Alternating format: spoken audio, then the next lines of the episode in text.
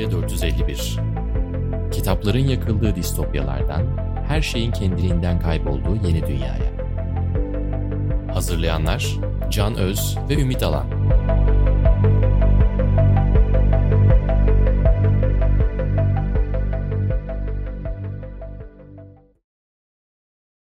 Merhaba, Wiser'ın sunduğu Yeni Medya 451 podcast'inin yeni bölümüne hoş geldiniz. Ben Can Öz, karşımda Ümit Alan. Bugün çok iyi ve çok değişik alanlarda tecrübesi olan bir yönetmeni ağırlıyoruz. Sevgili Ozan Açık'tan, hoş geldin. Merhaba hocam. Bugün Ozan Açık'tan'la beraber yeni medya sinemayı öldürür mü sorusunun cevabını arayacağız. Ve bu sorunun cevabı için Ozan Açık'tan özel olarak çok doğru bir aday diye düşündük. Çünkü sevgili Ozan hayatın ta kalbinden sinemacılığı öğrenmiş. Yani konservatuvarından, yönetmen asistanlığından ki Tomris Giritlioğlu'nun yanında yönetmen asistanlığı yapmak hayatın her aşamasını deneyimlemek diyebiliriz sanıyorum.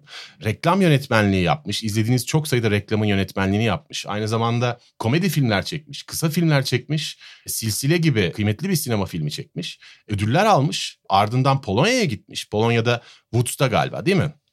Birçok önemli yönetmenin de yani Kislovski gibi birçok yönetmenin de olduğu bir akademide eğitimini almış. Ardından Türkiye'ye geldikten sonra da çoğunuzun daha popüler olduğu için tanıyacağı aile arasında filmini çekmiş. Birçok yeni medya operasyonunda bulunmuş. Bunların arasında Atiye veyahut da Netflix'te son dönemde yayınlanan iki tane filmi daha var. Dolayısıyla sinemanın, reklamın, filmin, ekranın her yönünde bulunmuş. Hepsini tecrübe etmiş. Çok ilginç ve çok uygun bir figür. Biz de bugün kendisinden gerçekten bu sorunun cevabını almaya çalışacağız. Ümit sen yine bayağı bir hazırlıklı geldin. yani normal hazırlığımız her zaman. Bu soru biraz clickbait, tık tuzağa bir soru. Yeni medya sinemayı öldürür mü sorusu. O yüzden en başta bu tık tuzağı sorunun cevabını aslında tuzak olmadan vereceğimizi söylemek lazım. Ya da vermeye çalışacağımızı. Onunla başlayalım. Soru, soru direkt soruya mı geçeyim o zaman? Tabii abi. O zaman en, en temel soruyla başlayalım. O aradan çıksın diye söylüyorum. Sinema için film çekmekle bir akış platformuna, burada akış platformu derken streaming platformları kastediyorum. Netflix gibi, işte HBO, HBO Max gibi, ülkemizde diğer örnekler olan Blue TV gibi streaming platformlarına film çekmek arasında temel olarak nasıl farklar var? Yani bir vizyona girecek, bir sinema salonunda gösterilecek öncelikli bir filmi çekmekle bir platformda gösterilecek film çekmek arasında bir fark var mı? Varsa nasıl bir fark var diye özetleyeyim. Yani çok temel farklar var tabii. Yani e, elbette burada bulunmamızın sebebi de biraz bunu konuşmak biliyorum ama hani birkaç aşamasında fark var. Filmi tasarlarken de fark var. Seyirciyle buluşurken de fark var. Seyirciden gelen yorumları alırken de fark var. Ama genellemeye çok müsait bir alandan bahsettiğimizi söylemekte zor. Yani bu akış e, olarak şu anda bu yayında ben de streaming hmm. yerine kullanmaya çalışacağım platformların durumuna dair konuşursak hemen hemen kuralları yeni yazılan bir oyunun içindeyiz. Dolayısıyla sinema kadar köklü 20. yüzyılın sanatı adını taşıyan bir alanın üzerine gelmiş. Şimdi bu platformların küratörlerinin ya da yapımcılarının dahi önümüzdeki yılı daha yeni yeni kurduğu, gördüğü bir 5 yıllık 10 yıllık tasarılarının aslında çok da net olmadığını hissettiğimiz bir alanda o farkın hani sinemaya dair konuşmak kadar kolay olduğunu düşünmüyorum. Biraz öğreniyoruz. Bir öğrenme eğrisi var her anlamda. Ama şu belli bir şey. Yani birinde seyirciden kalkıp paltosunu, montunu, ceketini giymesini, taksiye, metroya binmesini, eşini, dostunu aramasını, neyse işte otopark arabayı park etmesini ya da metroda yürümesini falan talep ediyorsunuz. Öbüründe sadece uzaktan kumandayı ya da bir tuşa basmasını talep ediyorsunuz. Şimdi zaten bu birebir ulaşılırlıkta bir fark demek. Bu da oraya çıkan kalitenin yani ben sinemaya öyle bir şey yapmalıyım ki seni pazar günü, cumartesi günü neyse hangi gün sinemaya gitmeyi tercih ediyorsan evinden çıkartıp getirebilsin çıtasını daha yukarı taşıyor. Öbürü e, ya işte zaten evdeyiz bu pazar. E, açıp Ozan'ın filmine bir bakıverelim dedirtmeyi sağlıyor. Bir kere bu e, elbette izleyici açısından bambaşka bir deneyim. E, yönetmen olarak da bunu düşünmen gerekiyor. Çünkü filmin ekonomisi, film sinema zaten çok pahalı bir dal. Onun ekonomisinin tasarlanışını da değiştiriyor. O da şu algoritmalar sayesinde size şöyle geliyor platformlar. Yani Ozan Açık'tanın seyircisi. Tabii ben bunları böyle genelleme konuşuyorum şu anda. Bunlar böyle hani büyük masalarda oturulup konuşulmuş şeyler değil. Evet. Dediğim gibi bir öğrenme eğrisinin ortasındayız ama hani okuduklarımla kendi yaşadıklarımı çarpıştırınca şu oluyor. Yani diyorlar ki yani Ozan Açık'tan filmlerini izleyen şu kadar abonemiz var. Bu kadar abonenin de bütçe karşılığı şu. Bu paraya bu filmi yap demeye de getiriyorlar aslında. Kimse bunu bana böyle demedi ama aslında bizim filmlerimizin evet yani Ozan Açık'tan filmi yapacaksam ben kendi bağımsız yaklaşımımla bir film platforma yapıyorsam oradaki ekonomik dağılım ya da planlama biraz baştan belli oluyor. Sinemada bu yok. Sinemada işte popcorn'a benziyor yani. Bir, bir Evet. nasıl patlayacağı, ne şekli alacağı, belki de patlamayacağı bazı bozuk mısırlar var biliyorsunuz patlamazlar. Onların olma ihtimali de var ya sinemada bu kumar çok büyük oranda var. Evet. E, kazancı da ona göre çok büyük. İyi kumarbazlar büyük yapım şirketleri zaten aynı zamanda. Yani sinemaya çıkanlar. Dolayısıyla böyle bir iki farktan bahsetmek mümkün. Onun dışında sinematografik olarak bir fark var. Ona çok detaylı girmeyeceğim ama yani 7 metrede izlediğiniz bir insan mimiğiyle bir cep telefonu ekranında izlediğiniz bir insan mimiğinin ona göre çarpanlarıyla duygusallığının, ışığının, görünürlüğünün, detaycılığının, onu yaratan insanın o görsele yaklaştığı detaycılığın ya da özenin de ona göre küçüldüğünü söyleyebilirim. Çünkü daha hızlı tüketilen bir alana ve hatta işte sallanan bir ekrana imge yapmakla 7 metrede statik bir alana imge yapmak ve ses tasarlamak bambaşka işler. Bunları belki birazdan konuşuruz. Birazdan konuşacağız zaten. Evet. Dünya çapında birçok çok affedersin. Ben bir şey ekleyeyim bu şeyle Tabii. ilgili, bu farklarla ilgili. Çünkü tam oraya geldi.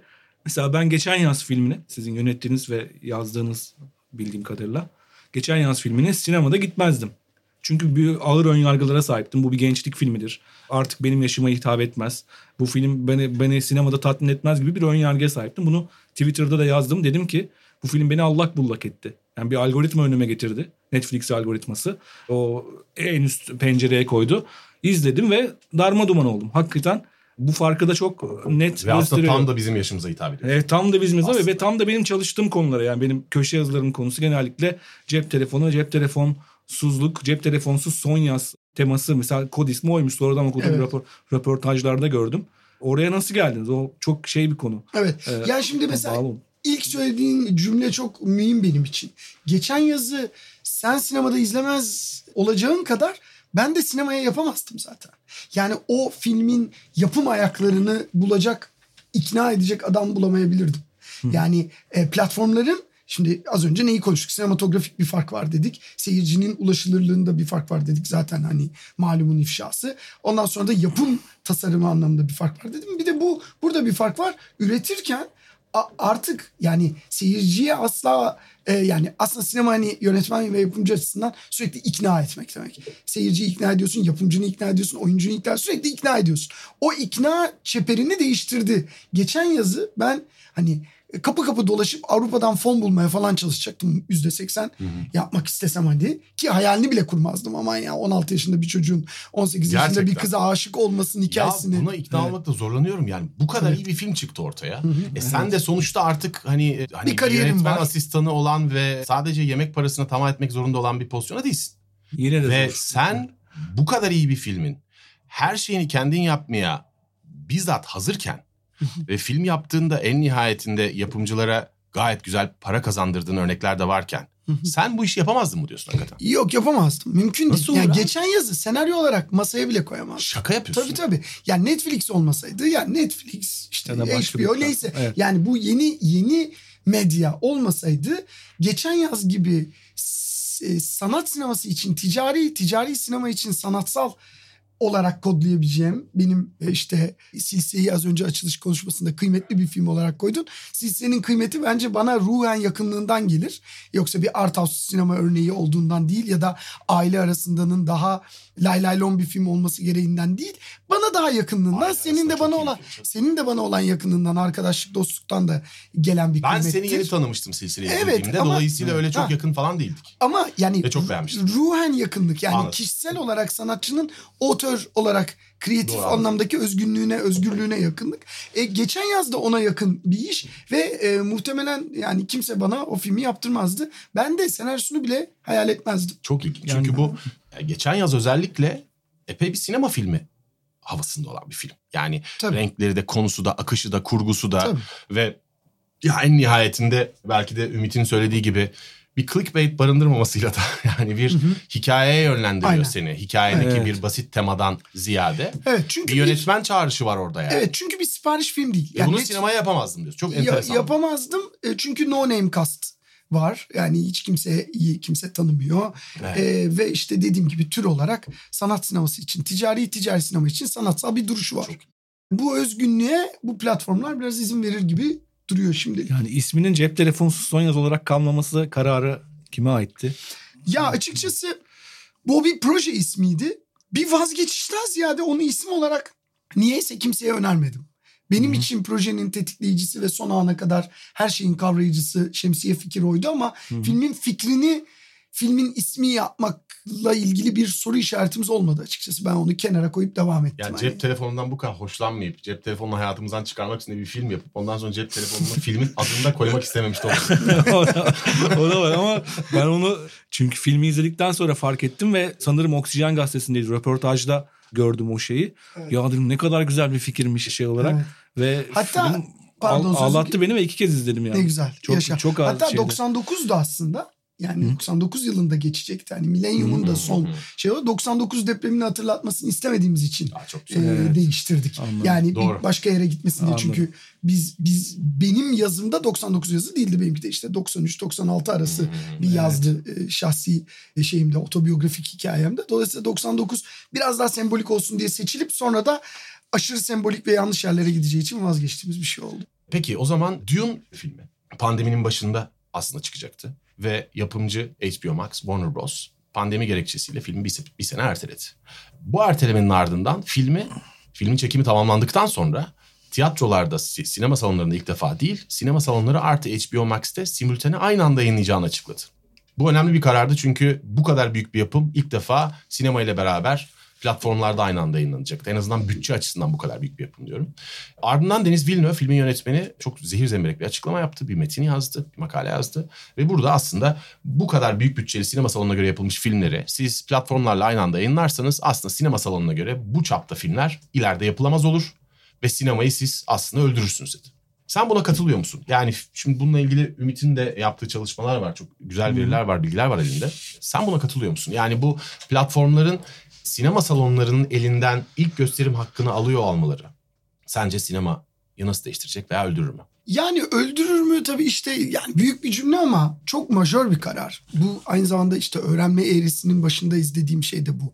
Yani sinemayı yapanların bu kararlar karşısındaki duruşları işte Villeneuve'ün yazdığı yazı gibi yazı işte diğer işte Scorsese'nin açıklamaları falan yani bu işin başını tutan abilerin, ablaların açıklamalarıyla işte stüdyoların çarpışmaları birazcık buradaki rol dağılımını ve gidişatı belirleyecek. Ama şurası aşikar. Büyük daha büyük olmak yolunda, küçük daha küçük olmak yolunda gidecek yani. Bu artık yani sinemanın ve bizim yaptığımız işlerin gittiği yönü gösteriyor. Ne demek büyük daha büyük? İşte Marvel gibi yani bir koydum dünyanın her yerinde gösterime soktum. Yüz kazandım filmlerine ihtiyaç duyuyor sinema devam edebilmek için. Dolayısıyla da Dune gibi bir film hakikaten de Villeneuve'ün dediği gibi ancak sinemada tecrübe edildiğinde parasını çıkartıp yeniden işte Dune 2 ya da Dune 3 neyse ya da yarın yani gibi filmler yapacak yapacak filmler parasını çıkartabilecek. Hı hı. Çünkü platformlar az önce söylediğim gibi senin algoritmadaki karşılığını vererek yani senin yapacağın filmi David Fincher'ın yapacağı filmi 1 milyon kişi izleyecek abicim. Bunların da abonelik karşılığı şu kadardır. Hadi biz de helal hoşundan şu kadar daha para koyalım. Bu kadar paraya bu filmi bitir dediklerinde sinemanın kendisine has olan o büyüme, çarpım, işte sinemadaki işte popcorn örneğini verdiğim şeydeki etkiyi azaltacak. Bu bir artı birin iki etmediği bir artı birin üç beş ettiği bir çarpan. Nasıl nereden biliyorum? Aile arasında gibi bir ölçekte biz filmin gişesini belli bir rakamda işte 3 milyon kişi izlediğinde muhtemelen Türkiye'deki sinemaya giden sinemaya gittiğinde de gişe başarısına denk düşen bir rakama varacağına inanarak yaptık. 5,5 milyon kişi izledi. Şimdi bu 5,5 milyon kişi aslında iki kez üç kez izlediği için 5,5 milyon kişiye denk düşüyor. Şimdi siz Dune gibi bir filmi sadece sinemada izlemek diye baktığınızda iş çok dar bir bakış açısı oluyor. Sinemaya gitme eğilimi, sinemaya gitme deneyimini azalttığın sürece aynı insanın iki kez gitmesi, üç kez gitmesi de bu çarpanların içinde ve çok değerli bir şey. Platformlarda bu yok. Aynı filmi iki kez, üç kez izleme gibi, tekrar tekrar çevirme gibi, eşe dostu alıp gitmek gibi. Çünkü eve gelirsin, abone olarak benim account'tan izlersin. Ben sana e, şifremi veririm, benim şifremden izleyebilirsin. Yani çarpanlarının azaldığı, dolayısıyla da kazanılan paranın tekrar sinemaya dönmesini bir noktada bence bağlayan bir durum bu. Burada şey tabii çok ilginç. Yani burada büyük firmaların, çok büyük firmaların kendi aralarında yaptıkları pazarlıkların ve belli anlaşmaların ve kavgaların sonuçlarının en nihayetinde uzun vadede yer yer suyun akışını, akarsuyun yolunu değiştirebildiği örnekler de var hayatımızda. Yani bunu ben, ben kitaptan çok yakından biliyorum. Çünkü kitapta e-kitap furyası başladığında 2008'de icat edilmişti. 2012'de büyük haber olmaya başladı ve Amazon'un sübvansiyonuyla Kindle'la beraber patladı dünyada. Devasa bir büyüme. Kitap gelecek mi? Basılı kitabı bitirecek mi tartışmaları vardı. Tam bu dönemde dünyanın en büyük birkaç tane telif ajansı biz yayıncılardan, büyük yayıncılardan kitaplarımızı çekiyoruz. E-kitap olarak kendimiz yayınlayacağız dediler. Aslında bugün sinemada olduğu gibi büyük yapımcıların karşısında bir takım streaming platformlarının gelmesine benzer bir şey olmak üzereydi.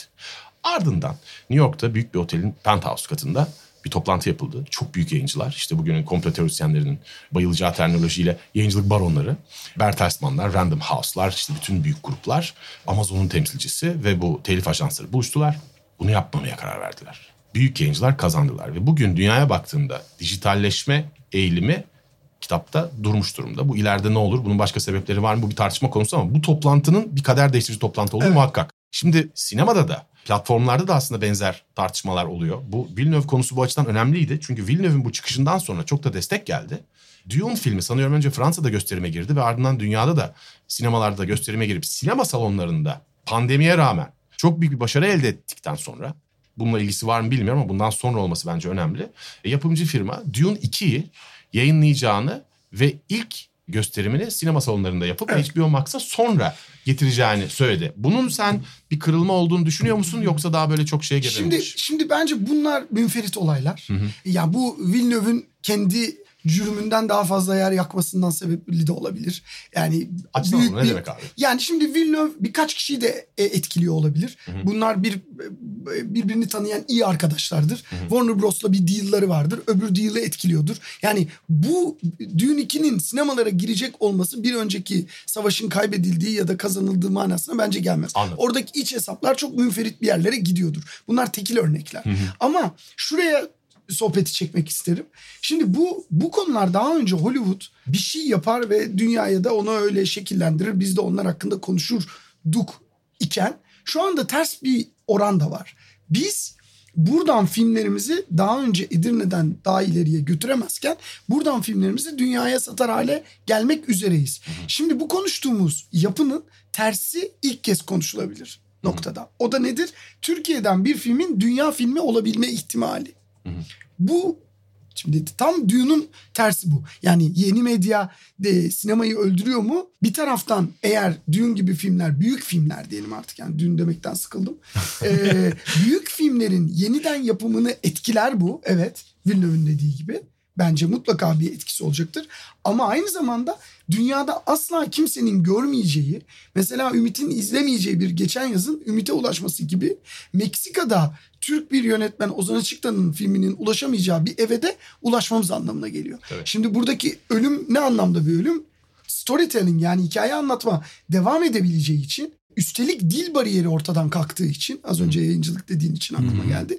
Dil bariyerini de ortadan kaldırma olasılığı var E, oldu demiyorum olacak da demiyorum ama olasılığı ilk kez ortaya atılmışken evet büyük filmler sinemalarda yaşasın ve sinemayı yaşatsın biz de sinema salonlarında film izleyelim istiyorum ben ama aynı zamanda bizim Nuri Bilge Ceylan, Zeki Demirkubuz olmadan yurt dışına çıkabilecek filmlerimizin olma ihtimali de olmaya başladı. Filmlerin sinema salonlarında ne alemde olacağı ve bu yeni medyanın filmlere etkisinin aslında çok büyük bütçeli filmler üzerinden tartışılmasını biraz konunun gerçeğinden sapmak olarak görüyor musun? Evet tam onu demeye getirdim aslında. Yani biz eskiden Bu kadar bunları para pul böyle... işi olmak zorunda değil çünkü sinema sonuçta değil mi? Efendim? Bu kadar para pul merkezli konuşulmak zorunda da değil belki de sinema. Ya sinema bence mutlaka para pul merkezi Her şey konuşulmak üz- zorunda ama merkezi artık sadece Hollywood Ay, o- ya da bu büyük açıklamalar büyük şirketler değil. Yani Warner Bros gibi bir şirket varken sadece onlar işte Los Angeles'ta bir stüdyo lotta bir şey üretip bizim konuşmamızı sağlıyorlardı. Şimdi durum farklı. Şimdi sen Atiye'yi yapıp Atiye ile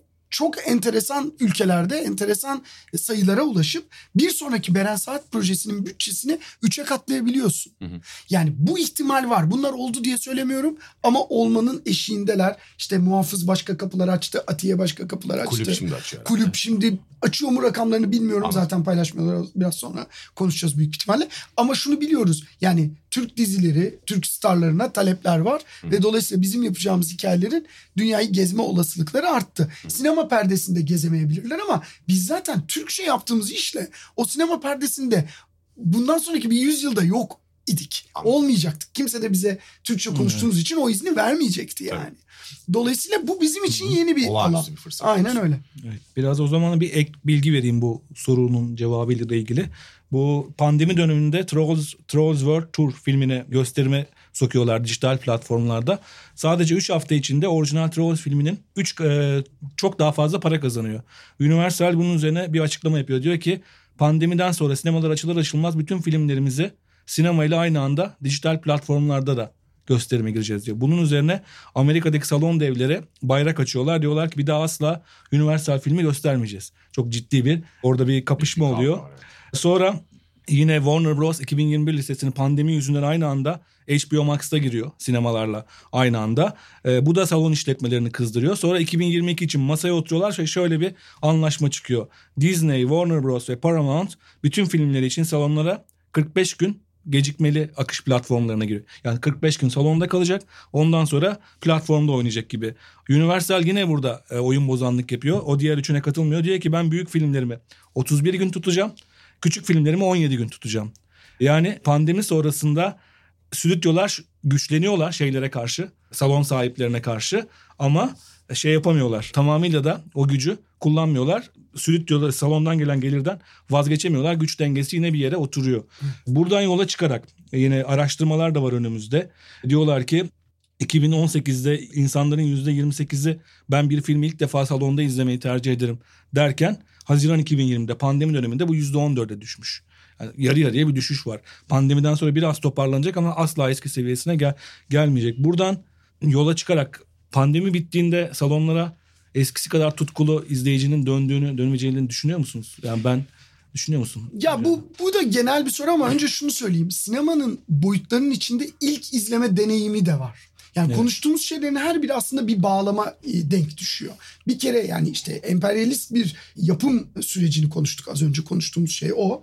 Ondan sonra onun kırıldığına dair bir sinyal aldığımızı söylüyorum. Yine emperyalist güçler tarafından ama öyle. Çünkü onların bize ihtiyacı var. Başka hikayecilere Fedi de 5 ihtiyacı ay var. yönetiyormuş zaten. Buyurun. Ama şeyi de dediğin gibi ilk izlemeyi işte yüzde 28 tercih ediyormuş. Bir şimdilerde yüzde 14'e geçmiş. Pandemi yüzünden elbette çok sert bir düşüş olmuştur ama ilk izleme deneyimi denen şeyi de bir biraz sinemacıların yani sinema salonu sahiplerinin kadar platformların da üreticilerin de tutması sinema deneyimi için çok değerli bence. Çünkü ilk izlenim bu hafta çıkıyor ilk izleme. Şeyi hatırlayın Game of Thrones parçalı yayınlandı. Netflix pat diye koyuyordu her şeyini. Sonra Netflix'te şimdi kulübü bile ikiye böldüler. Çünkü şu oldu yaptığımız işin değerinin azaldığını anlamaya başladılar. Yani biz bir iş yapıyoruz bir yıl çalışıyoruz. Senaryo teorisi bilmem nesi oyuncuları aktörleri e, dekoru parası pulu tasarısı her şey hazırlanıyor. Bir cuma konuyor o ek şeye platforma pazar sabahı millet hadi ikinci bölüm ikinci sezon nerede diyor. Ve bu bu kadar kolay tüketilir bir şey de değil arkadaşlar demek ihtiyacı duyuyor Netflix. Yavaş yavaş da bence bir sürü platform haftalık release'lere başlayacak. Bu da işte ilk izleme deneyimi, bekleme yani deneyime de bir pas atma. Hani Netflix and chill cümlesinin altında aslında sadece chill değil biraz da Netflix'in yaptığı işlerin Netflix bir sembol isim olarak kullanıyorum burada. Orada onun bir deneyim ve onun da bir değerinin olduğunun yapımcılar tarafından ve üreticiler tarafından teslim edilmesi gerektiğini düşünüyorum. Şimdi o soruya da gelirsem iyi işler sinemada olduğu sürece sinemayı hak ettiği sürece devamında o büyük rakamlara çıkacaktır mutlaka. E, bazılarının sağlam durması gerekiyor. Bu söylediğini çok kıymetli buluyorum. Biraz önce yaptığın tanım da özellikle yani bunun bir emperyal tartışma konusu olmasından yola çıkarak. Aslında bizim bugün biraz önce Ümit'in söylediği konular sinema salonlarıyla yapımcılar veyahut da dağıtım şirketleri arasındaki tartışma en nihayetinde bir sanat ve sinema tartışması değil zaten. Bir rant tartışması dönüyor. Bu ayıp bir şey değil bu arada bunu küçümsediğim için söylemiyorum. Dünyanın doğal akışının parçası ama en nihayetinde öz olarak aslında Taksiciler Federasyonu ile UKOM arasındaki tartışmadan bir bakıma bir farkı yok.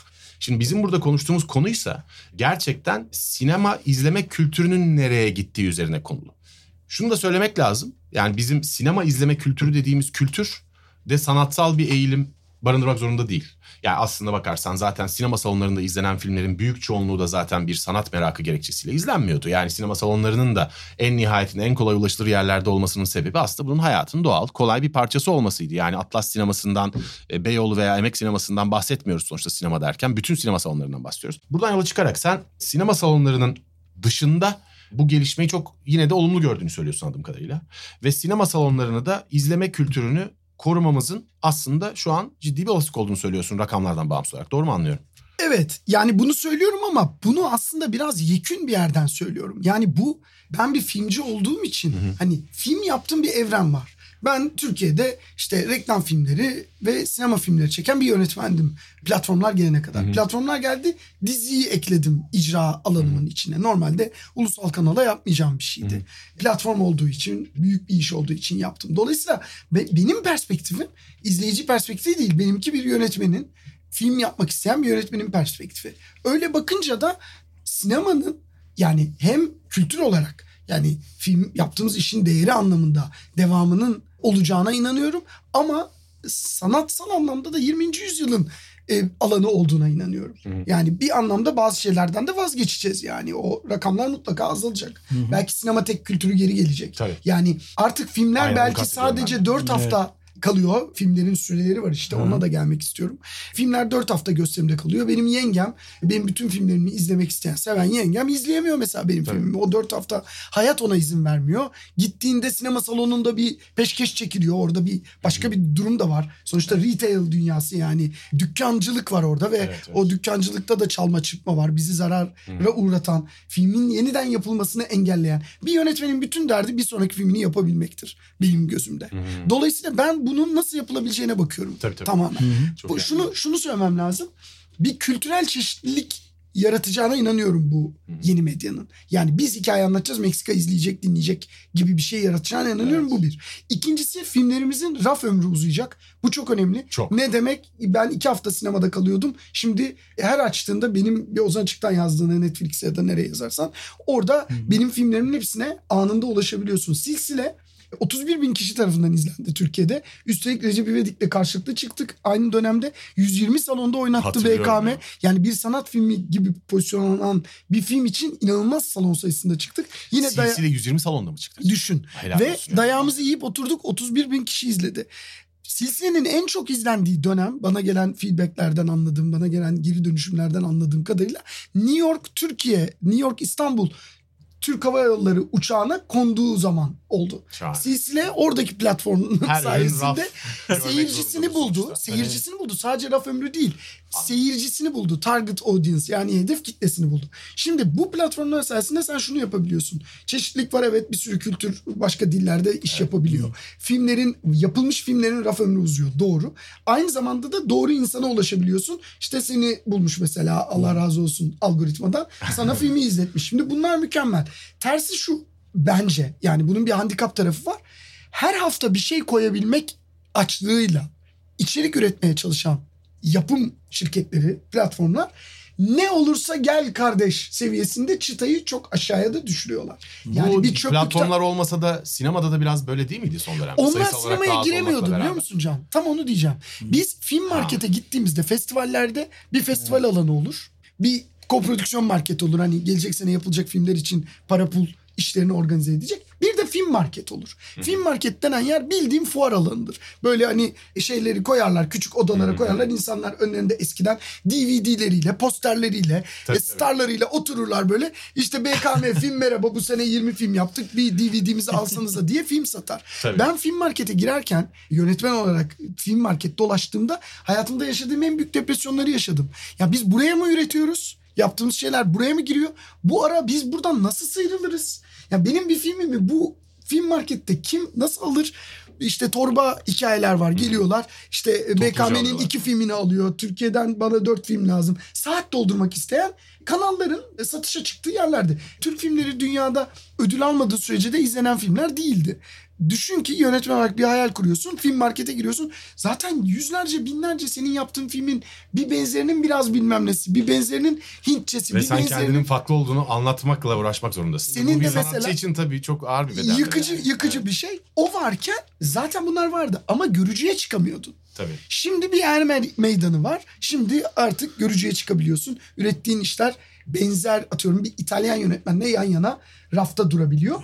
Ama aynı zamanda çıtanın çok aşağıda olduğu bir çöplükte de varız. Kimisi için benim filmlerim o çıta. Çöplüğü ifade ediyor. Yani Evet. Allah Allah Netflix'te de her şey var Senin ya hangi diyor. filmin bunu ifade ediyor olabilir? sence? Yarına Yani tek bilet için güven, Ya yürü ya. Yarına tek bilet için Güvenç Dağ Üstü'nün mükemmel bir tweet'i var ya. Ne diyor? Kendi çektiğimiz filmleri de öyle YouTube'da gibi yükleyebiliyor muyuz ya Netflix'e? Öyle bir özellik mi geldi? Güvence bak. evet. Ee, sağ olsun. Neyse en azından dürüstçe düşündüğünü söylemiş de yani hiç katılmıyorum buna onu söyleyeyim. Yani dolayısıyla hani kimileri için o düşük çıta benim filmim. Ama buradaki mesele doğru insana ulaşmak. Güvenç o filmin doğru insanı değildi yani. Bunu da yani anladık Twitter'da yazdığım Biraz belli etmiş. örneğin. Ben, ben geçen yaz Senin orada inanılmaz çekimlerin vardı bu arada ya. Acayip kamera kullanımların var. Eyvallah. Bayağı özel bir film bence ama işte Teşekkür herkese ederim. farklı Ben- şeyler falan Ben de dediğim gibi geçen yaza küçümseyerek başlamıştım. Bunu da Twitter'da yazdım dedim yine bir bir gençlik filmi yapmışlar diye düşündüm ama sonra bir anda allak bullak oldum. O onu getirdi şeye. Ama bu konu üzerine tekrar devam edeceğim şeyde. 1940'larda büyük stüdyolar Amerika'da sinema salonlarını almaya başlamışlar. Paramount Pictures mesela birçok sinema salonunu almış. Başkaları da almışlar. Sonra 1948 yılında bu büyük bir antitrust davasına konu olmuş Amerika'da. Yani salon sahibiyle filmi çeken aynı kişi olamaz. Bu bir trust'tur. Bunu engelleyeceğiz diye. Ve sonra bir anda stüdyolar ellerinden salonları çıkarmışlar. Yeniden bir ayrışma çıkmış. Salon sahibi ayrı, filmi çeken ayrı. Şimdi akış platformlarına, bu streaming platformlarına baktığımızda iki yön var. Bir kendi filmlerini üretip gösteriyorlar. Netflix'in yapımcısı olduğu, HBO Max'in yapımcısı olduğu filmler var. Bir de dışarıdan yapımcılardan film alıyorlar. Şimdi bu ileride bir çatışma yaratmaz mı? Bir süre sonra bütün filmlerin yapımcılarının platformlar olması gibi bir risk doğurmaz mı? Bu, bu nasıl çözülür size- sence? Yani ben işte dediğim gibi öğreniyoruz ama şunu söyleyebilirim. Kesinlikle böyle bir şey olmaz. Çünkü üzerinde etiketle gittiğim prodüksiyonlar o etiketi sahibi olan insanları bazen yoruyor. Yani ben bu işi şuna yapıyorum diye kapıdan girdiğimde Can Öz bana başka bir fiyat veriyor. Ben kendim yapıyorum dediğimde başka fiyat veriyor. Dolayısıyla platformların işine şu gelecektir. Git sen filmini çek getir biz bir bakalım da gelecektir. E, mutlaka bu çok büyük avantaj onlar için öncelikle. İkincisi bazen kağıt üzerinde ne olduğu belirsiz filmler var.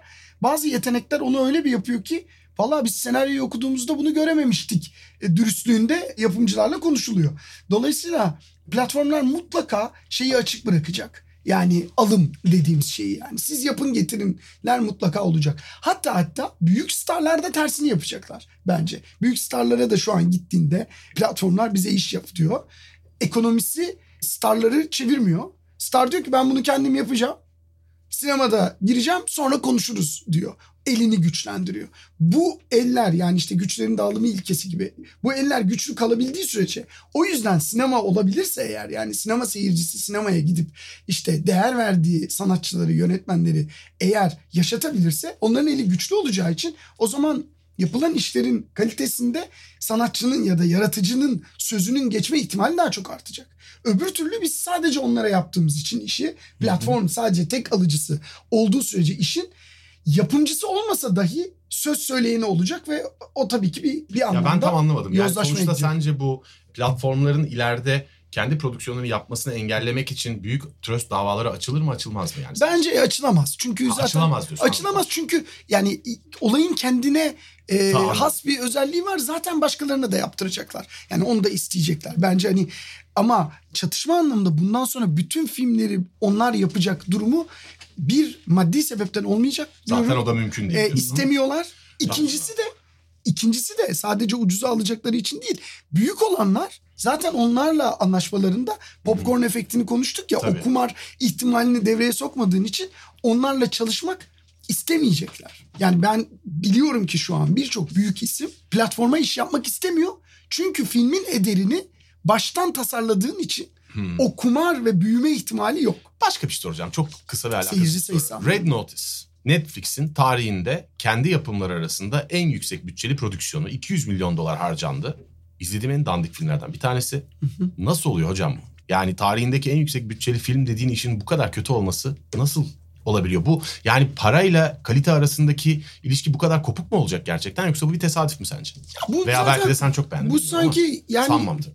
bu böyle ben izlemedim Red Notice'i. İlgimi olsun. çeken bir film değil yani. Ama şu var yani sen değilsin o filmin hedef kitlesi ve muhtemelen rakamlarından falan çok memnunlar yani. Tabii tabii muhakkak ki öyledir. O yüzden de yani kalite ve para kalite ve bütçe kalite ve içerik yan yana ne zaman geliyor nerede geliyor zaten hani Ha. sonsuz bir tartışma ya bu. Zaten boş Bunu bir arayışın platform üzerinden- peşindesin. Ne anlatıyorsun? Dünyaya bak, etrafına bakıyorsun. Çok haklısın. Geri aldım soruyu. Başka bir soru soracağım. Sinema salonlarıyla ilgili merak ettiğim bir şey var. Ümit not almış bu soruyu bu arada. Senin sorunu çalmış oluyor ama. Estağfurullah. Merak ediyorum cevabını sıkıştıracağım Evet. araya. Ya bu sinema salonlarında hep söyleniyor son bir yıldır iki yıldır falan. Bu ampulleri kısıyorlar mı? Ekşi, Ekşi Sözlük'te bu çok mevzu. Evet, Her evet. hafta çıkıyor hemen hemen bu başlık. Ya şöyle bu bir gerçek. Böyle bir şey var. Yani ben de birkaç röportajımda söyledim yani Jennifer Lawrence'a bunu yapan benim filme ne yapar dediğim bir şey var. E, Yani işte Hunger Games'i izliyorum sinema sonunda. Jennifer Lawrence'ın yüzü gözükmüyor si- siyahtan. Yani o öyle bir siyah ki yani o siyahın değeri için oradaki görüntü yönetmeninden tut da stüdyoya bilmem kaç tane Tabii. hani paralar harcanmış. Evet. Acayip özel bir film. Hunger Games büyük bütçeli film yani sonuçta. Tabii. O siyah öyle değil ben biliyorum yani. e, muhtemelen işte o sinema salonunun ya ampulü eskidi ya kısıyor. Ama eskiden bu olay daha fazla vardı. Zincir azken yani zincir kontrolü yokken sinema salonu sahibi bir tane dükkancı gibiyken biraz daha kendine göre hani oradaki e, yüzde seksen kısıtlı ampulün e, karının peşindeydi. Ama bu var. Yani gösterim kalitesi özellikle eskiden yani negatif pozitif döneminde film gösterilirken çok daha fazla Hı hı. etkiliydi. Şimdi dijitalde biraz daha Daha derli toplu yani ben filmin her filmimi işte ben dijitalde de film gösterdim. Şeyde e, filmden de gösterdim. 35 mm film de gösterdim. Hı hı. 35 mm döneminde her salonda başka film oynuyordu yani. Aynı filmi çekmiş olmama rağmen. Dolayısıyla evet böyle bir böyle bir kaos vardı. Dijitalle biraz derlendi toplandı bunu söyleyebilirim yani. Tam buradan şuna geçeyim o zaman. Şimdi bu soruları daha önce okurken gülüşmüştük kendi aramızda. Ben bir sinema salonu romantiği değilim. Ve sinemada film izlemenin benim için o kadar büyük bir anlamı yok. E, Şu sıralarda hatta e, Seinfeld'i yeniden izliyorum Netflix'te gösterime girdiği için. Seinfeld'i izlerken fark ettim ki birçok filmi, sinema birçok bölümü sinemada film izlemenin kom- komedisi üzerine inşa edilmiş. Yani sinemada film izlemenin zorlukları, işte önünden birisi geçiyor, birisi mısır atıyor falan Hmm. filan gibi. Bu acaba bize öğretilmiş bir şey mi yoksa gerçekten daha üstün bir deneyim? Ben mesela katılmıyorum. Sizin fikirleriniz ne burada? Hem Can'a soruyorum hem sana.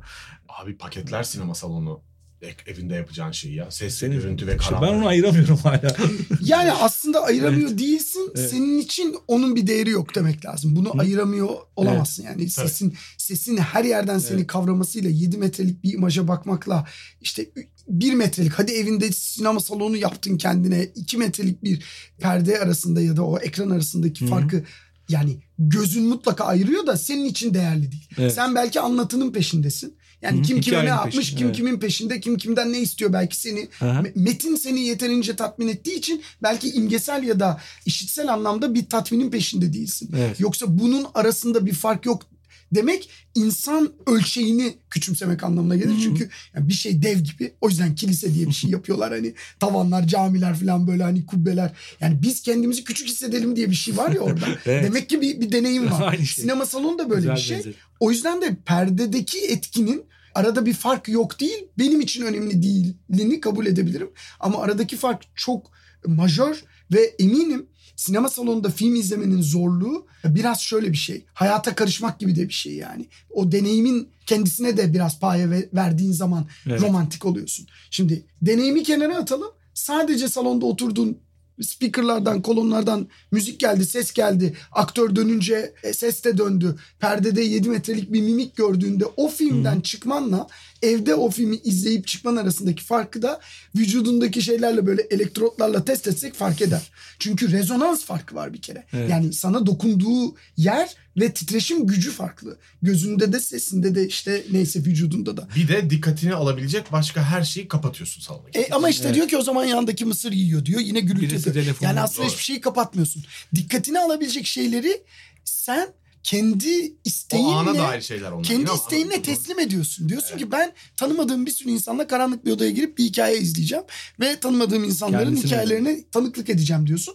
Burada bir romantizm var. Bu ayrı ama teknik Evet. kısmında yani biz Üstünlük var. biz Witch'ta evet bir üstünlük var. Başka bir tecrübe çünkü. İkisi ayrı yani üstünlük derken bence üstün, sence farksız. Ama hani arada ciddi bir şey var. Biz yani sinema ben görüntü yönetmenliği okudum Witch'ta ve biz bir tekrar işte ödev yaptığımızda bir tekrar çekiyoruz mesela. Sonra işte çekimleri hocalar izliyorlar. E, Salı günü işte to- toplu çekimleri izliyorlar düşün montajdan önce. Bunu niye tekrar çektin diye hesap soruyorlardı bize. İkinci tekrarı niye yaptın? Yeterince özenmedin o zaman ilk tekrar bu Evet. kadar kötü çıktı diyor. O özen de o perdenin büyüklüğünden geliyor. Yani sinemacının da o, o deneyime aynı özeni göstermesi gerekiyor. O, o kadar büyüyecek ki o ekran faça vermemesi lazım. E şimdi dijitalde ben o kadar büyümeyeceğini biliyorum. Faça versem de sen istesen de zaten o piksellerde benim o façamı görmeyeceksin ama perde Evet. onu kaçırmıyor. Dolayısıyla işin yaratıcısının anlamında da perdeye konan imgenin kalitesinde sadece hani şey değil piksel anlamında değil üretim kalitesinde de bir fark mutlaka var. Başka Peki şuna bağlayayım ben hemen. Bu soruyla bağlı olduğu için. Peki şimdi şey... Ha e, pardon bir şey ekleyebilir miyim? tabii. Özür dilerim. Her film sinemada izlenecek diye bir şey yok ama onu söyleyeyim. Hayır tabii ki. Yani Eyes Wide Shut'ı Evet. platformda izlediğinde Eyes Wide Shut sana dokunmaz yani. Space Odyssey 2021 e, izle küçük ekranda evdeki sinema salonunda izle. Sana bir sinema perdesinde dokunduğu gibi dokunmaz. Bir Kubrick Evet. olmayan bir örnek de alabilir miyiz? Atları da vururlar. Ah. Atları da vururları izlediğinde asla bir sonuç olamazsın. Apocalypse Now. İzle DVD'de. Git sinemada izle. Salondan çıktığında e, Evet. insanların piramitlere baktığı gibi bizim şu an insanların diyorum. Bizim şu an piramitleri nasıl yapmışlar diye baktığımız gibi bakarsın Apocalypse Now'a. Gerçekten perdede izlediğinde. Çünkü o helikopterlerin gerçek olduğunu bildiğin an o perdede sana doğru gelen helikopterleri birisi gerçekten telsizden yönetti. Marvel'deki gibi iki tane bilgisayar efektiyle koymadıları bildiğin an o perde sana öyle bir gelir ki o Evet. alevler gerçekten o ağaçları yaktıkları bilgisi. Harika. Onunla gerçekten napalmın sabah kokusunu alırsın yani. Yani şu son koyduğun ek zaten bölüm başlığımızın cevabını verdi. Yeni medya sinemayı öldürür mü sorusunun cevabı öldürmez kısmı buradan çıktı. Yani bir sorudan bir tuzak tuzak olmadığını da şey yapmış. Beri gelsin öldüremez ulan diye cevap verdi. İşte öldü, öldüremez diye cevap geldi. Evet çünkü tekrar besleyeceğine inanıyorum ben. Yani yeni hikaye anlatıcıları mutlaka Evet. kanları bitlenecek ve filmler Ya yapacaklar. zaten ve biz sinemaya gidecekler. biz çok hemen geçmişe bakıp sonra bugüne bakıp iki tane örnek üstünden birisi iyi birisi kötü birisi sanatsal birisi ticari gibi çok kutuplar üzerinden tanım yapmayı çok seviyoruz. Halbuki yani atıyorum bugün bizim sanatsal kıymeti üzerine sabahlara kadar her yerde konuşulan Alfred Hitchcock çıktığında popülist bir yönetmen olarak aşağılanıyordu yani. En nihayetinde yeni bir alan ortaya çıktığında o alanın ifade edeceği şeyleri kendimiz yaratacağız şüphesiz. Ancak bundan Bununla beraber bu algoritmaların olması bu işin içinde bir de. Yani streaming platform işte akış platformu pardon Ümit. Streaming platformlarının akış platformlarının olması, herkese ulaşması özelliklerinin dışında algoritmaların bu kadar agresif olarak dominant olduğu bir alanda şunu merak ediyorum. Roald Dahl'ın Son Perde kitabında bir öyküsü vardı. Daha ortada yapay zekalar, metaverse tartışmaları ve algoritmalarla ilgili bir gündem yokken dünyada 80'lerde yazılmış bir hikaye. Bir gündem yokken tabii ki kavramlar var. Kitapta şöyle bir şey oluyordu. Herifin birisi yazar olmaya çalışıyor. Olmuyor. Ondan sonra beceremiyor yani kabul edilmiyor ve kendini de beğenmiyor. Sonunda bir makine yapıyor bu evinde. Ve bu makineye oturup dünyadan sağdan soldan kitaplar alıp dünyada en çok satan kitaplar alıp yüklemeye başlıyor. Evet. Sonunda yüklüyor yüklüyor oradan bir kitap çıkıyor. Bunları öğreniyor makine. Bir kitap çıkıyor kitabı yayıncıya götürüyor olmuyor. Tekrar deniyor tekrar deniyor. Sonunda turnayı gözünden vuruyor herif. Kitabı bir yayıncı yayınlıyor ve dünya tarihinin en çok satan kitabı oluyor.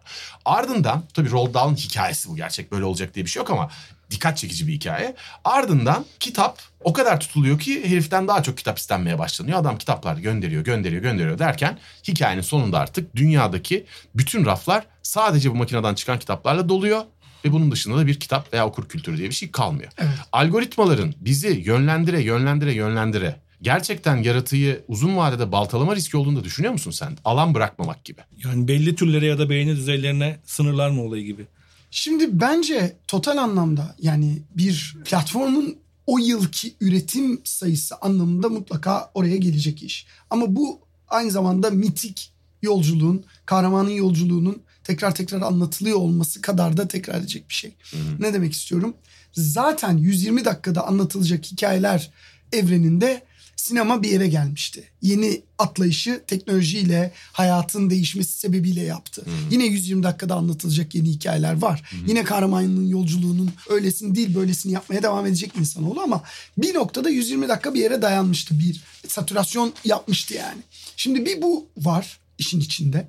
İki zaten hani işte 40. dakikada o olur, 20. dakikada bu olur, 30. dakikada o olur hikayesine getirmek istiyorum hani. Algoritmadan önce zaten MIT insanoğlunun bir hikayeden tatmin olması için hangi adımlardan geçince kahramanın yolculuğunun tamamlandığını bildiğinden biz de işte ya Amerikan filmi gibi değil mi işte falan diyorduk Doğru, ya birbirimize. doğru. O hikayenin tahmin edilebilirliği oradan geliyordu. Şimdi bu tahmin edilebilirlik yavaş yavaş platformlarda e, next episode in 5 seconds durumuna geldi. Yani 5 saniye içinde öbür bölümü tıklayın. Platform anlatıları 8 bölüm boyunca iki tane göz bebeğini orada tutabilmek için anlatıyı bozmaya başladı. Yani kahramanın yolculuğu şu anda izlediğiniz bir sürü Netflix dizisinde, HBO işinde neyse işte Disney işinde o 120 dakikadan 8 bölümlük 8 çarpı 40 işte 4 kere 8 32 320, 320 dakika dakika. yapıyor. 320 dakikaya bölmeye başladı. Biraz genişledi ama ne yapmaya başladılar? Eskiden reklam arası için yapılan şeyi 5 saniye sonra bir sonraki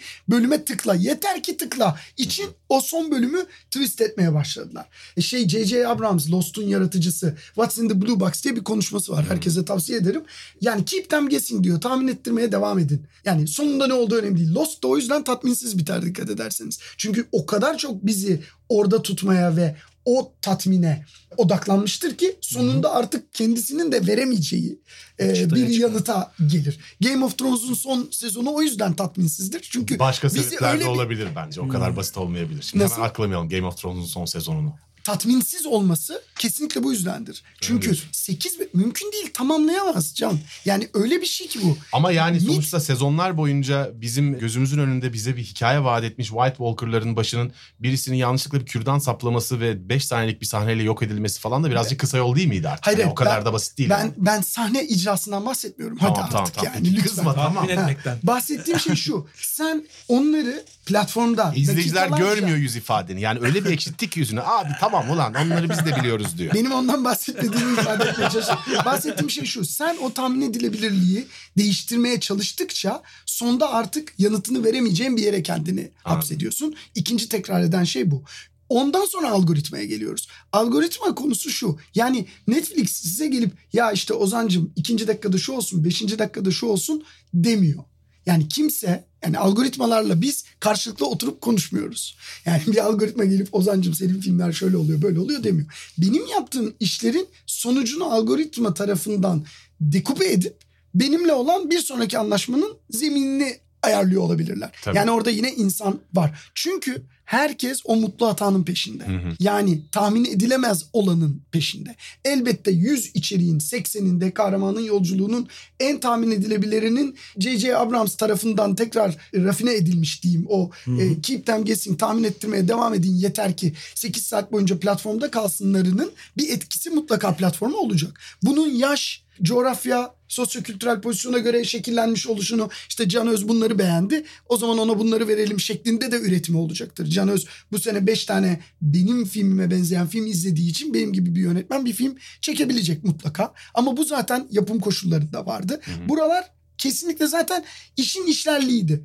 Mesele şu sen yeni bir şeyle tanışmaya ne kadar hazırsın ve algoritma sana bunu mutlaka verecek. Çünkü yoksa kendisi ölür Doğru tabii. düşünürsen. Tabii, tabii. Yani Netflix sürekli aynı filmleri yaparak yaşamak istemiyor mutlaka. Şunu da Evet. yapmak istiyor. Bunların e, zevk kümeleri dedikleri, taste community, zevk nesi toplulukları dedikleri bir algoritma okuma şekilleri var. Bu yeni bir şey. O da şu. Can Öz'ün, Ozan Açıktan'ın izlediği filmler ortak kümeleri var. Ama arada kaçak yapmışız. Mesela guilty pleasure diyelim yani suçlu zevklerimiz olabilir. Ya da esas ilgi alanımız ama vakit ayıramamışız. Mesela oraya tıklamışız. Onları pick up edip ikimizi başka bir kuşakta birleştiriyor. Ve oraya film yapmaya çalışıyor. Çünkü kendi devamını aynı Richard Dawkins'e kadar gideceğim. Gen bencildir durumu. Yaşam hayatını sürdürebilmek için tekrar bizi beslemek zorunda. Dolayısıyla yani fakirleşme olacak mutlaka dediğim tahmin edilebilirlik yüzünden Ama fakirleşme olacak. olacak diyorsun. Ama Evet. keşfe izin vermek zorunda çünkü öbür türlü ya burada da hep aynı şey var ya deyip uzamaya çok teşneyiz. Yani segmentation ve funneling diye anlatılan soğuk ve sıkıcı hikaye adamın anlatışının güzelliğine bak. ya. Evet evet. Bizim bu programları yaparken bazen bu terminolojik şeyleri konuşurken Ozan'a ihtiyacımız var. en azından benim yani. Sen E, Şunu da şunu Bu da ekleyeyim. yavaş yavaş toparlamamız lazım. Ümit Evet. son soruları sana bırakayım. Tamam. Ben yeterince Aa, konuştum çünkü. Algoritma ile ilgili şunu ekleyeyim. Zaten iyi sosyal medya algoritmaları da şu anda sosyal medya platformlarının hepsinin üzerine çalıştığı algoritmalar bir sonraki adımı tahmin edebilen. Yani geçmiş beğenilerin aynısını tekrarlayan değil de buradan buraya gidecek bir sonraki adımı tahmin etme üzerine kurulu. O da muhtemelen o aynılaşmayı azaltacaktır. Çünkü bir süre sonra sıkıyor bu iş ve bir sonraki adımı ne? Ne izlemek istiyor?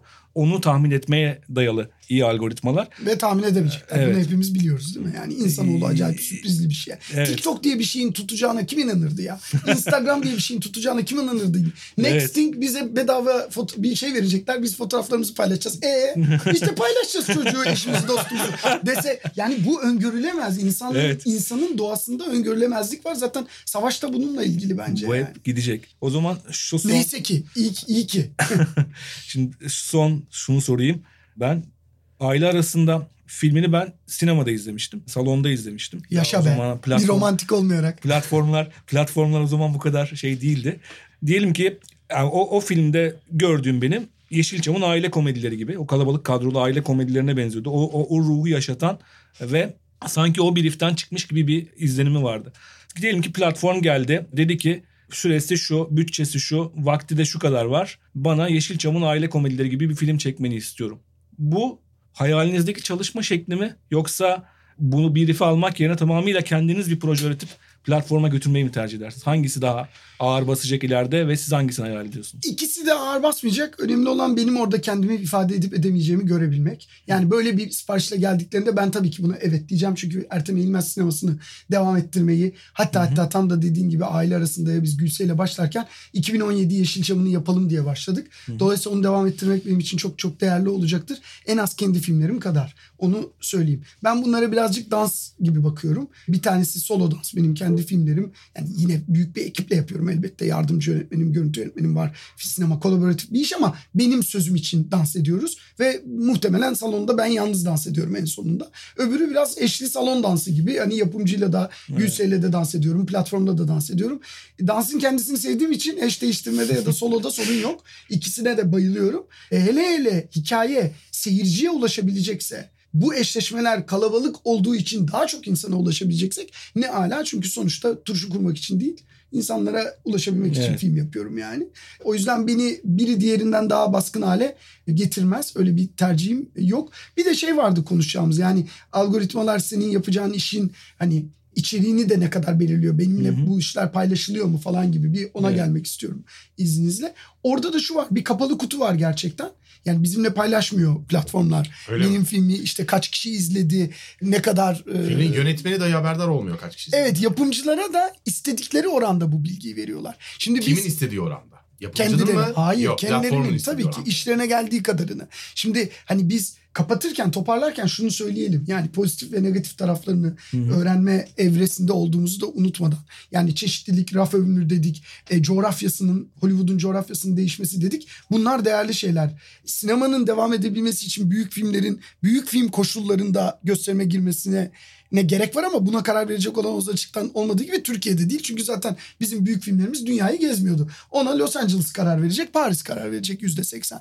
Orayı da konuştuk. Bunlar hani pozitif ve negatif taraflarının başı. E, Esas negatif taraf çıtanın aşağı düşmesi dedik. Bu çok önemli. Evet. O yüzden bir sürü şey olacak. Dandik iş olacak dedik. Başka bir taraftan tahmin edilebilirlik hikayesi yüzünden hikayeler birbirine daha çok benzemeye başlayacak dedik. O da var filan. E, Sonuncusu da burada başarının çıtasını yaratıcı olarak nasıl belirleyeceğimizle ilgili bir dert var. Yani Ozan Açık'tan bir sonraki filmini yaparken ya geçen yaz iyi gitti demesine sebep olacak şey nedir? Şimdi geçen yazı festivale soktuk. Ödül aldı almadı. Festival yaşantısı uzun oldu. Bu bana sen bu tarz filmleri yaparsan bu marketlerde bu alanlarda üretime devam edebilirsin demek. Örneğin. Ya da orada bir sadece bir tane yapımcı geldi benim filmi beğendi dedi ki ya işte ben Can Öz Türkiye'de şu yapımları yapıyorum. Seninle ortak bir film yapalım dedi. Benim bir sonraki filmimi yapacak zemin oluştu. Şimdi sanat alanında böyle bir durum var. Fonlar başvurdum. Aa benim filmim işte Locarno'da gösterilmişti dedi.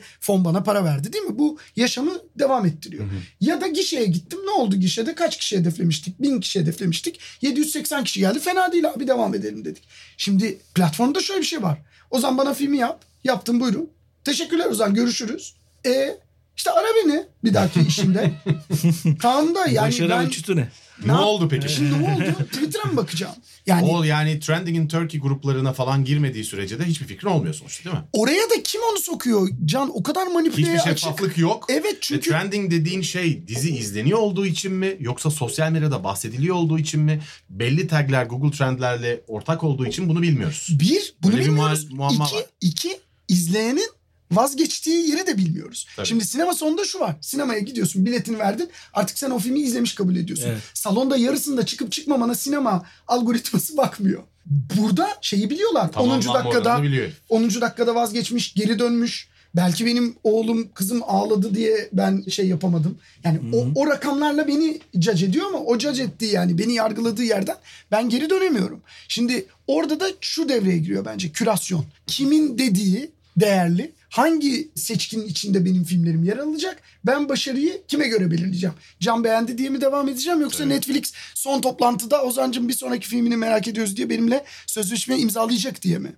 Bu, bu kısmı bence e, Evet. konuşmaya değer Öyleyse- ve esas soru. Ya son bölüm çok lezzetli olduğu için süreyi biraz açtık ama Evet. e, çok güzeldi. Aslında çok daha uzun konuşulacak konular var ama algoritmalar gereği çok da fazla uzun çekemiyoruz çünkü dinlemeler ve tamamlama oranları düşüyor, düşüyor sevgili Ozan. evet evet toparlayalım dediğini biliyorum ama or- ortada konuştuğumuz bir bölümden bir şeyler atarsınız. De uzak. Bunu Zaten yapabilmek de insanın elinde. zaten Doğru. son söylediğin ilişkin bir de şu var. Bazı ödüller kan gibi salonda gösterime girmeyen filmleri kabul etmiyorlar. Bir de o, o tarafı var işin. Ee, o da yeni bir kural olarak geldi kanda. Yani salonda gösterime girmediyse ama bir yandan da sistem büyük filmler salonda daha küçük bütçeli filmler platformlarda gibi bir yere gidiyor. İleride o yüzden başarıyı tespit etmek daha da zorlaşacak. Bu da e, ek olarak söyleyelim. Yeni bir tartışma başlatmaya hazır bir açıklama yaptığın için sana ayrıca teşekkür ederim. Uzattım Ee, biraz. Ozan'ın da bu konuda söyleyecek çok fazla şey varken evet diyerek kendi frenlediği için ayrıca çok teşekkür ederim. Çünkü bıraksan çok uzun konuşabiliriz Ozan'la. Bu konular özellikle çok açık konuşmayı İleride bir bölüm konular. daha çekeriz o zaman. Vallahi bence çok çok uygun. Bir dizi ve yeni medya diye bir bölüm aslında.